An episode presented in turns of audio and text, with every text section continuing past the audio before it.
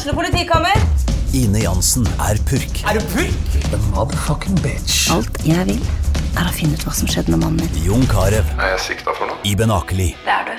Ole So, Lars Berrum og Big Daddy Karsten. Hvem sin side er du på, egentlig? Anette Hoff, Tone Danielsen, Kommer du fra Afrika?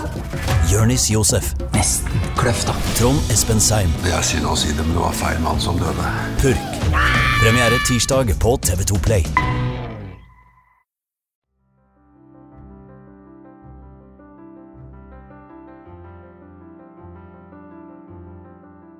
I dagens episode forteller Jeanette Nilsen helt ærlig om en nervesykdom som har påvirka hele ungdoms- og voksenlivet hennes.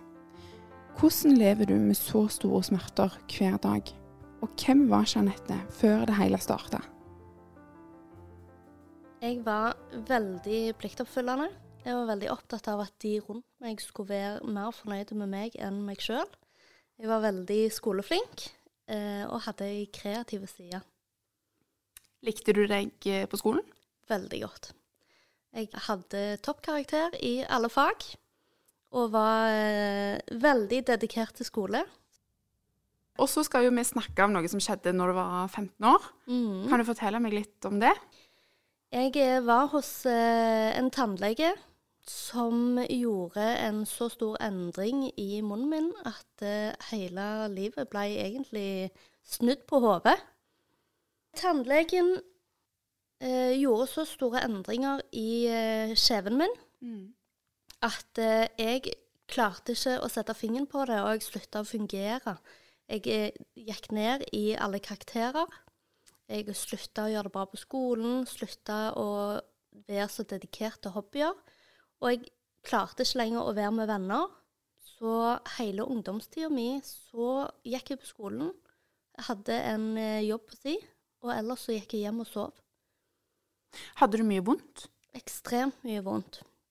Og jeg spurte flere ganger om det kunne være noe gale, men da fikk jeg beskjed at eh, jeg hadde jeg hadde nok litt lav smerteterskel, så det måtte jeg nok eh, øve meg litt på. Og jeg syntes det var så pinlig at da tørde ikke jeg å ta det videre. For når du har spurt tre forskjellige leger, så eh, tørde ikke jeg å gjøre noe mer med det. Kan du fortelle meg litt mer om eh, de smertene du hadde? Hvordan, hvordan endra livet ditt seg fra en dag til en annen, på en måte? Jeg hadde ekstreme smerter i ansiktet. Så ekstreme at du ikke klarer å tenke. At du slutter å fungere. Jeg skjønte veldig tidlig at skal jeg gjøre det bra på skolen, eller i det hele tatt stå, så må jeg la være å spise. Og da fant jeg ut at druer, det kunne jeg spise uten at det gikk så hardt utover kjeven og ansiktet. Fordi smertene var så store at jeg ikke klarte å tenke. Jeg sto så vidt i noen fag. Jeg gikk ut med to og tre i alle fag, inkludert de jeg var flinkest i. Jeg husker hvor flaut jeg syntes det var å gå fra fem og seks i alle fag til å så vidt stå på en eh, toer i norsk og matte og gym, fordi at jeg hele veien svimte av. Og jeg klarte ikke å følge opp det skolearbeidet. Og jeg syntes det var dritflaut overfor de andre skoleelevene som hadde så mye energi, og de hadde så mye å gi. Og jeg hadde på en måte Jeg hadde kun ett fag jeg kunne gi noe i, og det var foto. Det har jo skjedd noe veldig gale, men jeg ble jo ikke trodd. Jeg ble jo kalt eh, hypokonder, jeg ble kalt lat. Og det var kanskje verre enn smerten i seg sjøl, fordi at jeg var veldig sånn, og er ennå, sånn flink pike-syndrom. Og det at noen kalte meg lat, og at jeg ikke gjorde det bra på skolen, og at jeg fikk høre det, det syns jeg var grusomt. For jeg gjorde virkelig mitt beste, og øyd mitt beste, både på jobb og skole. Ble du bekymra?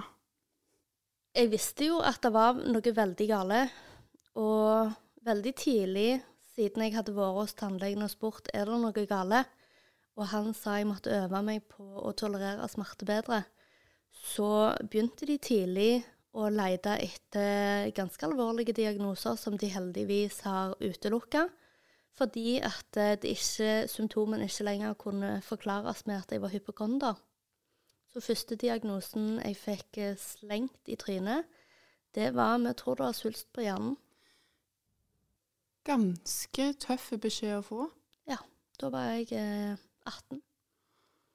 Og de beskjedene har kommet mange ganger, så du blir ganske hard i, hard i huden av å få sånne beskjeder gjentatte ganger. Hva annet har du fått?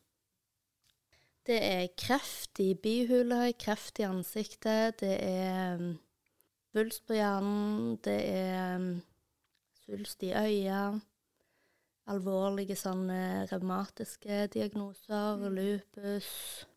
Fordi de beskjedene kom så ofte, så lærte jeg meg ganske tidlig at det, det kan være, men da får jeg ta sorgene når de kommer.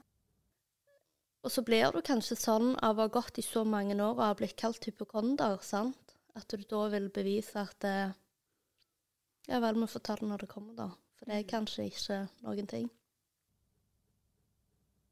Helt fra dette skjedde med ansiktet mitt, helt fra jeg fikk de smertene, så har jeg besvimt mye. Og det var veldig ofte mamma kom hjem og fant meg eh, Døra var åpen, så jeg har ikke kommet meg over skoene engang. Jeg har bare falt sammen i, i gangen. Og veldig ofte så måtte de bære meg i seng, for de fikk ikke kontakt. Og sånn er det til dels ennå. Hvis jeg har spist noe som har gått ut over ansiktet, så får de ikke kontakt. Det syns jeg høres veldig ekkelt ut, både for deg og for de rundt. Jeg merker det jo ikke, for jeg er jo vekke. Men jeg er i en tilstand hvor jeg ikke vet om jeg har svimt av eller sovet. Men jeg hører ikke når brannalarmen går, jeg hører ikke når noen låser seg inn i leiligheten. Altså, Mor mi snekra sammen et drivhus én meter ifra meg. Jeg har ikke anelse om at de har vært inne engang. Så jeg registrerer jo ingenting. Altså, jeg bare er vekke. Og diagnosen jeg fikk til slutt, den heter trigeminus nevralgi. Så det er en nerveskade i ansiktet som gir sinnssyke smerter.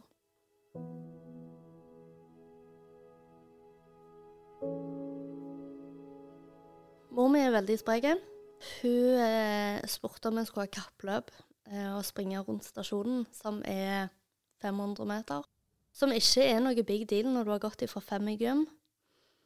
Eh, jeg kollapsa etter 100 meter. Jeg ble liggende i over 40 minutter før hun klarte å stable meg på beina for å komme meg videre. Det er første gang hun skjønte hvor alvorlig og hvor dårlig jeg var. Og jeg har òg svimt av mange ganger på jobb, som jeg aldri har sagt til noen. Hvor jeg bare har gjemt meg i et bøttekort. Klarte du å stå i jobb eh, veldig lenge? Jeg ble tvungen til å bli ufør. Fastlegen min sa nå har du ikke noe valg lenger, nå vil vi at du skal bli 100% ufør. Så sa jeg det er ikke snakk om, for jeg skal bli fotograf, og jeg skal leve ut drømmen min. Så jeg gikk med på en deal hvor jeg var 50% ufør i mange år. Og så skjedde det noe hvor jeg fikk en sinnssyk forverring. Så jeg gikk på en måte ifra å ha et OK fungerende liv til at jeg ikke kom meg ut av senga på flere måneder. Eh, han jeg bodde med, måtte bære meg inn på badet. Jeg lå i senga i nesten tre måneder. Jeg klarte ikke å gjøre noen ting. Klarte ikke å lage mat. Fikk maten servert i senga. Hva var det som skjedde? Jeg vet ikke. Jeg, jeg fikk en sånn smerte i ansiktet som liksom var 100 ganger verre enn den jeg har hatt før. Så den forverringen ble så ekstrem at jeg ikke Jeg har liksom aldri blitt bedre etter det. Men du lærer deg å leve med det òg. Men da måtte jeg velge om jeg ville være sosial, eller om jeg ville ha jobb. Og da, når du må velge det, så må du bli 100% ufør. Og det som var så rart, var jo alle som ble så sjokkerte over at jeg ble 100% ufør, for det var akkurat som jeg hadde sluppet ei bombe. For jeg har opp igjennom lært meg å skjule det så godt at det var kun mine aller nærmeste som visste hvor syk jeg egentlig var. Jeg var livredd for at noen skulle finne ut av det, synes synd på meg, at jeg skulle bli behandla annerledes fordi at det, og der kommer hun som er syk. Så jeg burde egentlig fått Oscar for den eh, For, for den opptredenen? Ja. Ja. Det kan du trygt si.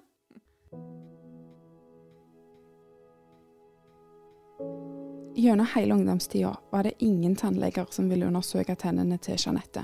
Men i 2021 endra det seg, og endelig turte noen å se på henne. Da skjedde det noe helt spesielt. Jeg eh, hadde endelig fått en eh, tannlege som ville se på meg, som tok meg inn med den største glede. Og Gaute, han er fantastisk i dag òg. Han hadde fått ei plate, ei skinne, som skulle avlaste eh, mitt, som han hadde fått ifra en annen tannlege. Og når jeg prøvde den skinna, så kjente jeg at dette er så vondt at det klarer jeg ikke. Og han hadde sagt til meg på forhånd at er det vondt, så tar du den ut. Jeg hadde den i 15 minutter, og så måtte jeg legge meg ned og sove. Og når jeg våkna igjen, så snurra hele verden rundt. Jeg var helt klar i hodet, men jeg hadde ikke kontroll på kroppen min i det hele tatt. Og siden den dagen der så har jeg gått med rullator. Da hadde jeg fått slag. Altså, jeg syns jo ikke det var så gale. For jeg tenkte altså herregud, så flaks. Det var jo på venstresida. Da kan jo jeg fortsette å tegne og være kreativ og gjøre alt jeg liker. eh, det var første responsen min. Og den andre responsen var eh, hva skal jeg gjøre med Nalle, hunden min? Altså, det var meg og han. Mot verden. Han var med meg på jobb. Han har vært med meg egentlig på alt. Alltid. Så har han vært heldig i perioder når jeg har vært mye på sykehus. Så har mor og far passet han. Og de har stilt opp eh, og hatt han. Så han har hatt eh, mange hjem. Han har mange foreldre og er veldig heldige. Og jeg vet ikke om noen andre dyr som får blomsterbukett på døra når de er syke, men det gjør han. Han er elska av veldig mange. Når jeg fikk slag, så ble han livredd meg. Han ville ikke være med meg. Han ville kun ut, sitte på terrassen. Det lynte og tordna. Han ville fortsatt ut. Han eh, fiksa ikke å være i samme rom som meg. Hvorfor? Fordi han ble redd meg når jeg gikk så unaturlig. Eh, og så ramla jeg jo en del. Har eh, rast mye møbler, knust mye glass. Og da ble han livredd, for det er så unormal oppførsel. Så han, eh, han hadde ikke noe valg med at hvis ikke jeg fant noen som ville ha han, så måtte jeg avlive han. Så jeg hadde bestilt avlivning. Eh, og forklart hele situasjonen til de oppe hos dyrlegen. Og så traff mamma eh, et eh, par som jeg bare har truffet på tur. Så spurte de hvor er Jeanette nå, for de visste at jeg var mye syk. Mm. Så sa mamma at hun har hatt slag. Så hun Nå vet vi ikke hva som skjer med alle. Og det brukte Altså, de brukte elleve minutter. Så sa de vi tar han. Vi tar han til du er frisk. Altså, han har jo fått et helt nytt liv. Han lever jo livet. Altså det beste han kunne fått. Han har jo da blitt nabo med mor og far, der som han bor nå. Så når han stikker av, så vet de at da er han hos mor og far og får noe leverpostei. Han er hos naboen. Så han lever jo altså drømmelivet. De rundt deg, da, hva syns de om at du fikk slag? Ja, de syntes det var ganske grusomt. Eh, der raste verden i sammen både her og der. De lurte på hva i all verden skal vi gjøre nå, hvordan skal vi fikse det? Og jeg ser på profilen min på Instagram, så er det veldig mange som har skrevet at eh, jeg tror den eneste som egentlig takler dette, er du. Tror det stemmer. Hvordan er det for deg å ha slag?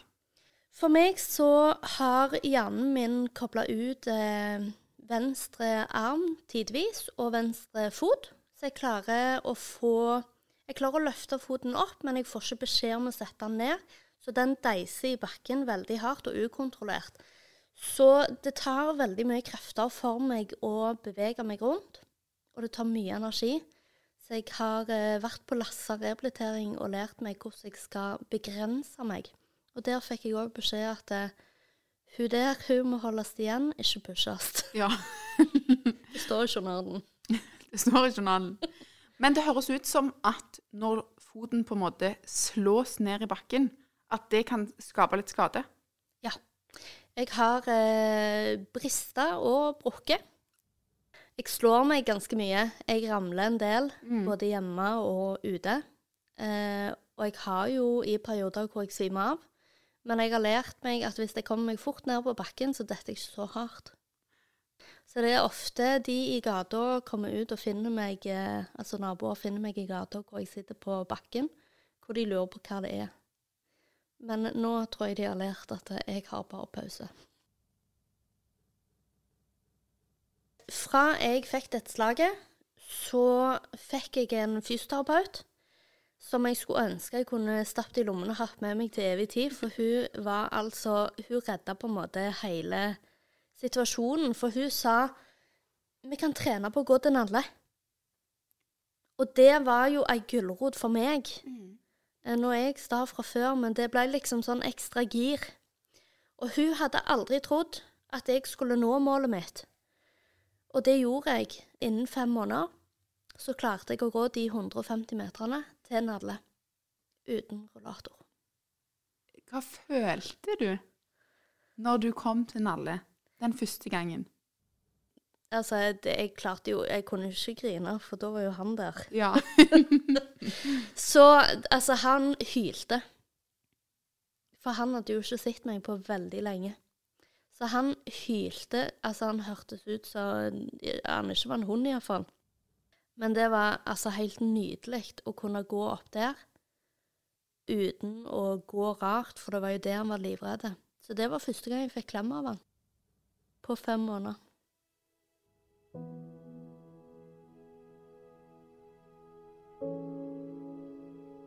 Jeg syns at det er vanskelig å høre på denne historien din. Jeg får litt sånn avmakt, på en måte. Men jeg ser jo på deg, når jeg snakker med deg, så ser jeg jo at du står på. Ja. Altså, jeg gikk de ti første åra, så fikk jeg liksom bare motgang. Da fikk jeg bare stempla den hypokonderdiagnosen. Så traff jeg en lege, som er legen min i dag, nevrologen min. Og hun tok meg seriøst, og det var første gang jeg fikk et håp om at det, kanskje jeg ikke er lat likevel. Kanskje, kanskje det er noe som ikke liksom kan henges på at jeg er hypokonder, eller at det er noe i veien med hodet mitt som jeg ikke skjønner sjøl. Er det andre som har betydd mye i, i disse åra? Jeg har hatt en smertelege som ble fastlegen min. Han har gjort langt over det en kan forvente av en lege å gjøre. Han har stilt opp så mye for meg og gjort så mye og strekt seg så langt. Det er han som har funnet tannlegen som jeg i dag går til. Det er han som har fiksa på en måte alle sånne kontakter. Og naprapaten min, han går òg langt over hva han trenger å gjøre for meg. Og det syns jeg er så fint.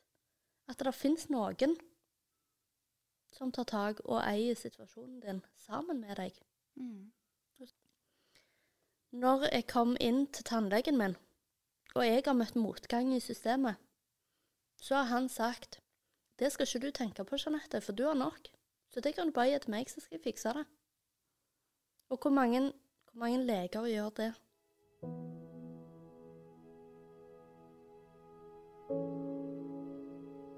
Når jeg var tolv, så fikk vi en skoleoppgave. Og den tok jeg veldig seriøst, som alt annet, i kunst og håndverk, som var liksom mitt fag. Eh, og der skulle vi lage vårt eget papir. Og så skulle vi skrive et sitat som betydde noe. Og det var jo selvfølgelig en oppgave jeg tok veldig seriøst. Så da skrev jeg 'Lær å se det store i det små'. Da har du løgndommen med livet. Og det har jeg tatt med meg videre. For selv om du har et liv litt ut forbi det vanlige, så trenger det ikke å være dumt. Det trenger ikke å være trist og leit. Det kan være veldig fint òg. Jeg har veldig mye fine folk i livet mitt. Og jeg har eh, en uendelig foss av kreativitet som ikke stopper, som jeg ikke klarer å stoppe. Jeg måtte legge foto på hylla fordi jeg ser for dårlig til å ta bilder. Og det var jo en stor sorg for meg. Men jeg tenkte jeg kan gi sorgen to dager, være lei meg i to dager, og så er det opp på hesten igjen. Og da tenkte jeg hva skal jeg gjøre nå? Så da begynte jeg å tegne. Og det gjør jeg ennå. Tegner hver dag. Jeg har hele skuffa full av tegninger. Prøver nye ting hver dag. Og jeg elsker det. Jeg koser meg sånn når jeg kan bare være meg. Tegne, male, strikke. Altså, jeg gjør alt mulig. Jeg har altfor mange hobbyer.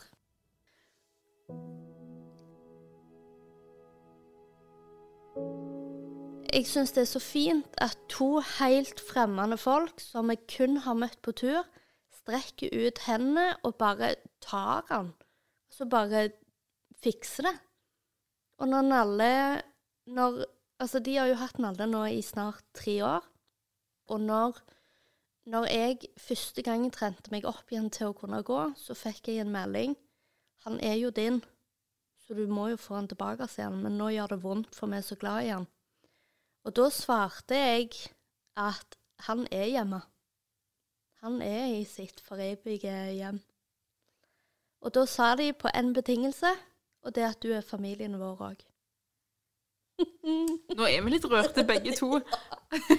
Men det er så fint mm. at noen er så fine. Altså, jeg får dagbok hver dag på hva han gjør. Ennå. Bilde, film. Hva han har gjort på i dag. Hva han har spist. Jeg ser det betyr mye. Ja, det gjør det.